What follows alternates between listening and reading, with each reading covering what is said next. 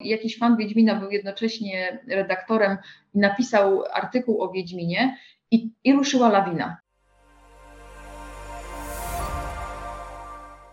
O historii Mennicy Gdańskiej oraz o tym, co decyduje o sukcesie danej serii monet kolekcjonerskich, opowiedzą dziś Anita Kreft, kierownik operacyjny Mennicy Gdańskiej i Violetta Kordońska, specjalista do spraw marketingu i public relations. Zapraszam! Moje drogie, chciałabym Was dzisiaj zapytać, jaka jest historia Mennicy Gdańskiej? W jaki sposób Wasza firma powstała? I co de facto sprawiło, że znakiem rozpoznawczym są walory inwestycyjne i kolekcjonerskie? Tak, to przede wszystkim. E, Nasza firma tak naprawdę powstała 12 lat temu, może to już 12 lat, ale tak, 12 lat temu e, i tak naprawdę narodziła się od e, pasji naszego szefa. Wszystko zaczęło się od Łukasza, e, który zaczął kolekcjonować jakieś drobne dukaty lokalne, które pamiętam, że w tamtym czasie były szalenie popularne albo monety NBP, bo po to też się ludzie wtedy ustawiali w ogromnych kolejkach właściwie przy każdej emisji. E, przed bankiem e, zainteresował się numizmatyką po prostu, nie jako kwestią zarobkową, tylko kwestią taką e, jako pasją, jako hobby. A że przerodziło się w to, co jest obecnie, no to tak wyszło przy okazji. 12 lat temu zaczęliśmy przygodę, właściwie Łukasz sam zaczął, ja dołączyłam rok, po, rok później. E, zaczęliśmy przygodę z numizmatyką. E, było złoto, było srebro, głównie właśnie metale inwestycyjne. Potem w 2014 roku pojawiła się pierwsza moneta kolekcjonerska i to pierwsza moneta kolekcjonerska nasza. E, zobaczyliśmy potencjał takich monetach kolekcjonerskich właśnie w limitowanym nakładzie, z jakimś wizerunkiem, który my możemy zaprojektować, na który my mamy wpływ to była Mezopotamia, czyli pierwsza moneta z serii Imperial Art. E, ona właściwie jest już obecnie niedostępna na rynku. E, jest chyba tylko jeden, jedna monetka, którą ma Łukasz z numerem jeden, e, ale jest po prostu nakład cały wyprzedany, więc zresztą każda następna moneta z tej serii też się równie fantastycznie sprzedawała. To był sam początek. Tylko, że to były monety kolekcjonerskie, E, gdzie my korzystaliśmy z, mm, że tak powiem, z dóbr kultury e, takich ogólnodostępnych. E, dopiero w 2018 roku udało nam się nawiązać współpracę na licencję tak, na e, współpracę z Andrzejem Sapkowskim. E, wpadliśmy na pomysł Wiedźmina. E, właściwie no, to był autorski pomysł Łukasza, który wytrwale się nie poddawał i dążył do tego, żeby osiągnąć cel. Udało się podpisać umowę na Wiedźmina. Wiadomo już, co z tego wyszło, bo myślę, że każdy, kto interesuje się numizmatyką o Wiedźminie słyszał, więc nie muszę opowiadać, jak to wygląda i jak wyglądają poszczególne kolejne emisje u nas na stronie, e, gdzie monety bardzo szybciutko się wyprzedają i tak naprawdę temat, który u nas się przewija w firmie, to, to numer jeden, zawsze Wiedźmin. E, I to nam tak naprawdę otworzyło drogę do, do i, i, tak naprawdę trochę też głowę na te licencje, bo, bo to są bardzo ciekawe, mm, ciekawe rzeczy, które, na które my mamy wpływ, my możemy to kreować, my możemy to tworzyć. Czyli możemy podpisywać umowy z różnymi e, podmiotami i z kultury, i ze świata literatury, i sztuki i tak dalej, i tak dalej. Ogranicza nas tylko wyobraźnia, no i oczywiście zgoda drugiej strony, ale to okazało się być naprawdę strzałem w dziesiątkę. Idziemy w tę stronę i podpisujemy tych licencji coraz więcej. I też to, że mamy już kilka na swoim koncie, otwiera nam drogę na następne. Jest już dużo łatwiej, przyznaję. I rozpędziliśmy się do tego stopnia, że e, no po tych 12 latach naprawdę myślę, można spokojnie powiedzieć, że tworzymy fajne rzeczy też dla kolekcjonerów. Zawsze najciężej jest zacząć w każdej dziedzinie. Oczywiście. Uwaga, uwaga! Już 29 października druga edycja konferencji Metalverse. Szczegóły na metalverse.pl. Do zobaczenia! A skąd czerpiecie pomysły na daną serię monet? Ach, pomysłów mamy mnóstwo. Czerpiemy je zewsząd. Naprawdę zewsząd. E, mamy zespół, e, który zajmuje się właśnie, to jest dział projektu i marketingu. Dziewczyny są bardzo twórcze, ale oczywiście sam Łukasz też jest bardzo twórczy. I obecnie sytuacja wygląda tak, że listę tematów mamy o wiele dłuższą niż ma rok kalendarzowy, więc e, i, i, i ile jest u nas ludzi do obrobienia tych tematów, bo oczywiście jak już wchodzimy w jakąś serię, to ona musi się co najmniej raz w roku ukazywać następna moneta z serii, prawda? Więc to są już takie stałe tematy, które się ciągną od iluś lat, ale dochodzą, dochodzą też kolejne nowe. I e, czasami jest nam naprawdę bardzo trudno się wyrobić z czasem, szczególnie teraz, chociażby jesień, będzie szalenie intensywna. E, pojawi się, e, e, pojawi się LEM, ponieważ mamy podpisaną umowę właśnie ze spadkobiercami Stanisława Lema, więc wprowadzamy literaturę na naszą polską i też właściwie światową, ponieważ Lem jest jednym z najbardziej rozpoznawalnych pisarzy nurtu fantastycznego i chyba w ogóle pisarzy polskich na świecie, więc szalenie się cieszymy z tej współpracy. Oczywiście Robert Lewandowski, gdzie emisję pierwszą mamy już za sobą, ale tak naprawdę staramy się sięgać do bardzo różnych źródeł. Zastanawiamy się bardzo często, co powinno znaleźć się na monetach, ponieważ cały czas myślimy o monetach jako o takim y, bardzo specjalnym wyróżnieniu dla kogoś, tak? Dla kogoś, dla jakiegoś tematu i chcielibyśmy uczestnicząc jednocześnie w takim światowym nurcie, bo to jest, mamy zasięg jakby nie było ogólnoświatowy, chcielibyśmy E, wprowadzać nasze polskie tematy, e, to, co według nas powinno znaleźć się tutaj z naszego ogródka na monetach kolekcjonerskich, e, właśnie do takiej numizmatyki światowej, żeby ona była współczesna, żeby ona się fantastycznie prezentowała, bo też dbamy o to, żeby z jak największą szczegółowością i z takim bardzo ciekawym przedstawieniem tematu do tego wszystkiego podchodzić. Dlatego pojawi się właśnie Lem, e, dlatego pojawi się Kajko i Kokosz. E, teoretycznie bardzo nieoczywista, ale jak się okazuje, Kajko i Kokosz ma swoich wielbicieli i ogromnych fanów, e, więc, więc no właśnie, jest, jest spore zainteresowanie tym tematem. Staramy się patrzeć naprawdę bardzo szeroko, ale jednocześnie nie ograniczać wyłącznie do tych tematów polskich, no bo właśnie, na monetach przedstawimy Sherlocka Holmesa, będzie Harry Potter, więc y, pokazujemy też takie popkulturowe, y, fajne tematy, ale je trzeba też y, z racji tego, że na przykład Harry Potter pojawiał się już na monetach, trzeba to zrobić w niesztampowy sposób, więc tutaj y, tematem można nie wszystko zwalczyć, y, tu ważna jest kreacja, więc do gry będą wchodzili nasi graficy, którzy będą musieli to zaprezentować w bardzo ciekawy sposób, i atrakcyjny dla kolekcjonerów po prostu. Dotknęłaś ważnego tematu pozyskiwania ważnych osób do współpracy. Jak wygląda taki proces pozyskania takiej osoby, żeby można było zobrazować tą osobę lub jego dzieło na walorze inwestycyjnym, jakim jest moneta? Mhm. Proces podpisywania e, umów licencyjnych naprawdę jest bardzo długotrwały.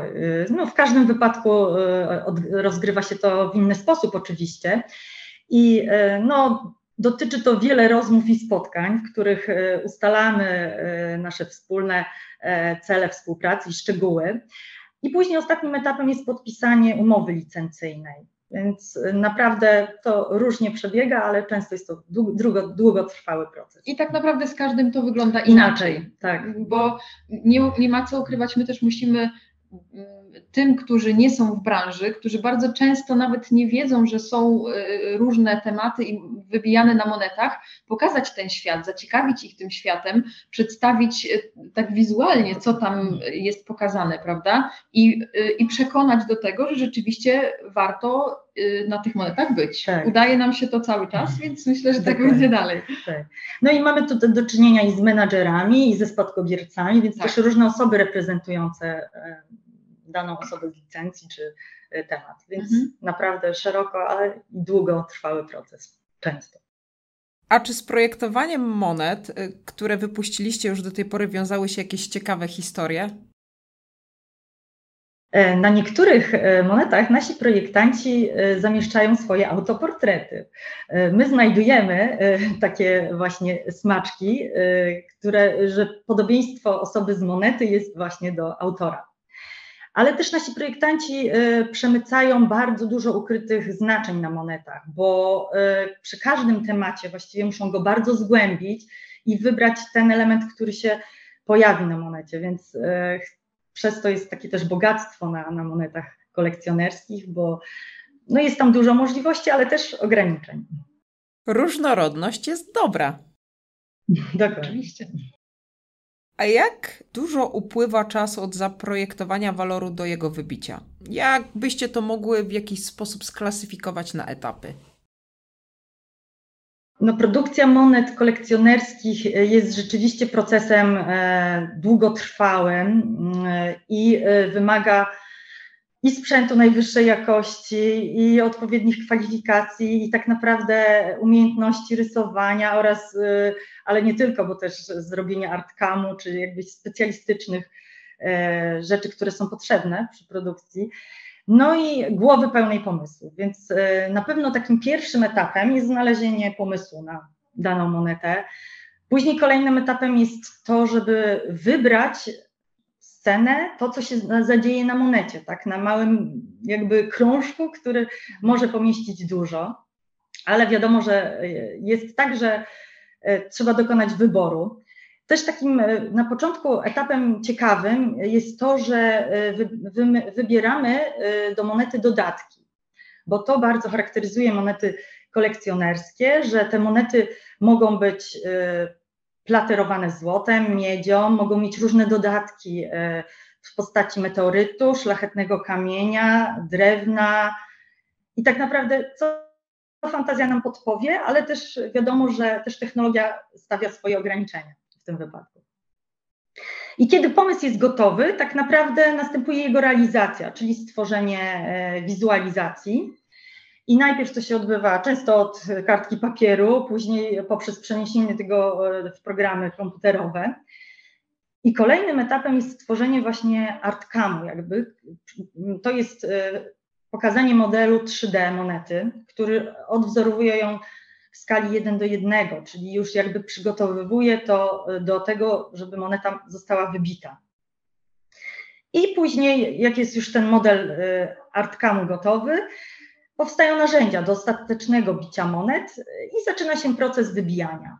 I tak naprawdę od szkicu monety do wybicia jej w mennicy mija około rok czasu. Całkiem spory proces, jeśli chodzi o tak. timeline, o, o patrzenie y, z perspektywy czasu. No ale to wszystko musi się zadziać, żeby ktoś mógł nabyć walor już w ostatecznej jego formie. I tak. takich procesów my mamy w, w ciągu roku kilkanaście, kilkadziesiąt czasami, e, każdy na różnym etapie. Więc e, tutaj naprawdę trzeba mieć bardzo szeroki zasięg, żeby to wszystko ogarnąć i orientować się, która moneta jest na jakim etapie, gdzie mamy zgodę, gdzie mamy problemy, gdzie trzeba coś zrobić i tak dalej. Więc rzeczywiście ten nasz dział projektowy ma pełne ręce roboty. Zdecydowanie. Tak, tu na pewno w grę wchodzą e, dobrze ułożone procedury w firmie, żeby to wszystko szło po prostu sprawnie i żeby nikt o niczym nie zapomniał. A teraz myślę, tak. że zadam pytanie, które interesuje zdecydowaną większość kolekcjonerów i osób, które inwestują w tego typu walory. Co tak naprawdę decyduje o sukcesie danej serii monet? e Czasami e, ja e, tak żartuję do klientów, że gdybym ja to wiedziała, to już by mnie tu nie było.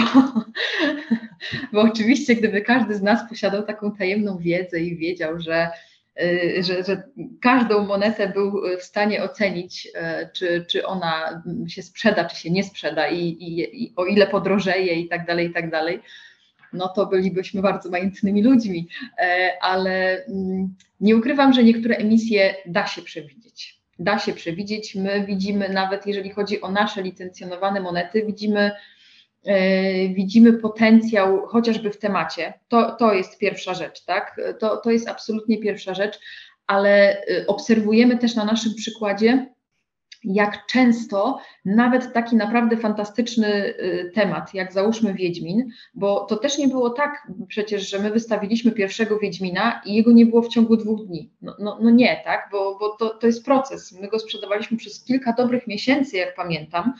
E, I tak naprawdę pojawił się chyba w jakimś jednym medium jakiś artykuł, taki zupełnie nie, nie wychodzący od nas, tylko jakiś fan Wiedźmina był jednocześnie redaktorem i napisał artykuł o Wiedźminie. I, I ruszyła lawina, po prostu, bo rzeczywiście okazało się, że większe grono dowiedziało się o tym temacie, zobaczyło tę monetę e, i zainteresowało się nią i zaczęło ją po prostu kupować. Więc E, ja bardzo często wymieniam kilka e, takich czynników, oczywiście temat, nakład, e, design, tak, dodatki i tak dalej, ale okej, okay, wszystko może być pięknie, tylko o tym musi być głośno. O tym muszą wiedzieć większe rzesze ludzi, żeby mogli ten nakład wykupić, żeby on mógł się skończyć i żeby oni mogli zacząć sprzedawać to na rynku wtórnym i na tym zarabiać. Więc tak naprawdę tutaj kwestia informacji też jest szalenie cenna. E, monety z Robertem Lewandowskim e, również się pojawiły, no ale gdyby nie e, jakaś kampania informacyjna i tutaj nasz dział marketingu i zakrojone działania po to, żeby po prostu ogłosić ludziom, że coś takiego jest, to, to, to nic by z tego nie było, prawda? Więc E, pomijając już oczywiście te kwestie informacyjne, to to, co, o czym zawsze mówię, to, to, to właśnie ten temat, który powinien być chwytliwy i też taki przyjazny i znany e, większej e, ilości osób, ale temat odpowiednio przedstawiony na monecie E, też jest szalenie ważny, ponieważ jeżeli e, weźmiemy Wiedźmina i po prostu postawimy na monecie e, postać Wiedźmina, który będzie bardzo brzydki i nie oddający zupełnie Wiedźmina, to to się po prostu nie sprzeda, tak? Bo, bo, bo klienci też mają wyczucie estetyki, oni mają fantastyczny gust i bardzo często to są po prostu esteci, którzy nam piszą, że moneta jest piękna, Mamy tutaj przypadek chociażby nie takiej popularnej serii e, licencyjnej e, jak Wiedźmin czy Robert Lewandowski, ale właśnie Bestie Słowiańskie, gdzie wyszła pierwsza rusałka, teraz wyszedł wczoraj e, drugi domowik. Domowik po prostu skradł nasze serca. To, jest, to są bestie słowiańskie, tak? czyli temat teoretycznie E, nielicencyjny i taki niepopkulturowy, ale jest ukazany w tak piękny sposób, e, że naprawdę moneta się wyprzedaje w zawrotnym tempie, ponieważ klienci widzą w niej potencjał inwestycyjny. Więc nie zawsze ten temat jest czymś takim najistotniejszym bardzo, bardzo wiele czynników i przy każdej monecie mam wrażenie inny czynnik na to wpływa. Myślę, że tutaj procesowo patrząc, to musi zagrać wiele czynników naraz, począwszy, tak jak powiedziałaś, od tematu poprzez jego wykonanie, bo sam temat się nie obroni. Walor po prostu musi być atrakcyjny dla odbiorców. Tak. I jeszcze ten nakład, który jest y, ograniczony, więc jakby to też y, wpływa na to, że y, wiemy, że jeżeli jest tylko 500 sztuk monet, Y, czy tysiąc, to tak. wiemy, że już więcej tego nie będzie. I... Nakład i tak samo, y, właśnie to, o czym już mówiłyśmy, ale taki pomysł na monetę, bo załóżmy, e, ukazał się Czarnobyl, e, i tak naprawdę to jest temat, który można w bardzo różny sposób przekazać, ale jak otrzymaliśmy projekt monety, gdzie właśnie w masce likwidatora, czyli w tym oku maski likwidatora jest ukazany wizerunek, byliśmy absolutnie zachwyceni. Więc to, to też jest wykorzystanie krążka y, jako podstawy do zrobienia y, dzieła sztuki. To, to, to, jest, y, to jest najlepsze i na to zawsze czekamy, że na tej małej monecie pojawi się nie tylko potencjał inwestycyjny, ale to też będzie takie dzieło sztuki, które inspiruje dalej, bo my zrobimy o tym filmik, który też będzie poniekąd dziełem sztuki, bo my współpracujemy też z takimi filmowcami, którzy uwielbiają nasze monety i którzy zawsze bardzo mocno się nakręcają i chcą y, je prezentować. I to też je, ich inspiruje do tworzenia bardzo ciekawych filmików, które po prostu cieszą potem oko. I to, to jest fantastyczna lawina y, takiego, takiej wzajemnej inspiracji i to nas zawsze cieszy. Nie sposób się nie zgodzić. Ale nie mogę nie zapytać o to, bo to jest bardzo istotne dla wszystkich uczestników konferencji, która się zbliża. Czego okay. nasi goście dowiedzą się albo co usłyszą podczas Waszej prelekcji i czego ona będzie dotyczyła? Przede wszystkim e, bardzo cieszymy się z drugiej edycji, bo już w pierwszej mieliśmy przyjemność uczestniczyć i naprawdę e, to, co się wydarzyło, ta wymiana wiedzy i e, no, ta ilość też osób, która jest zainteresowana tematem, bardzo nas cieszyła. I bardzo dobra organizacja. Dokładnie, więc Jolu naprawdę gratulujemy i czekamy już na kolejną edycję. Właściwie odliczamy czas 29 października. Widzimy się znowu we Wrocławiu.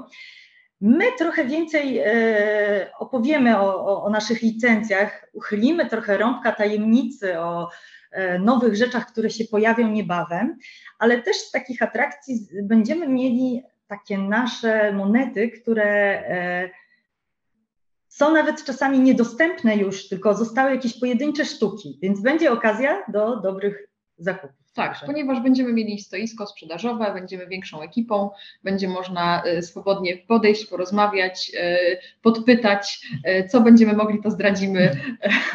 Wiadomo, że nie wszystko, ale, ale coś może tak. Chcielibyśmy po prostu wprowadzić Was w świat licencji.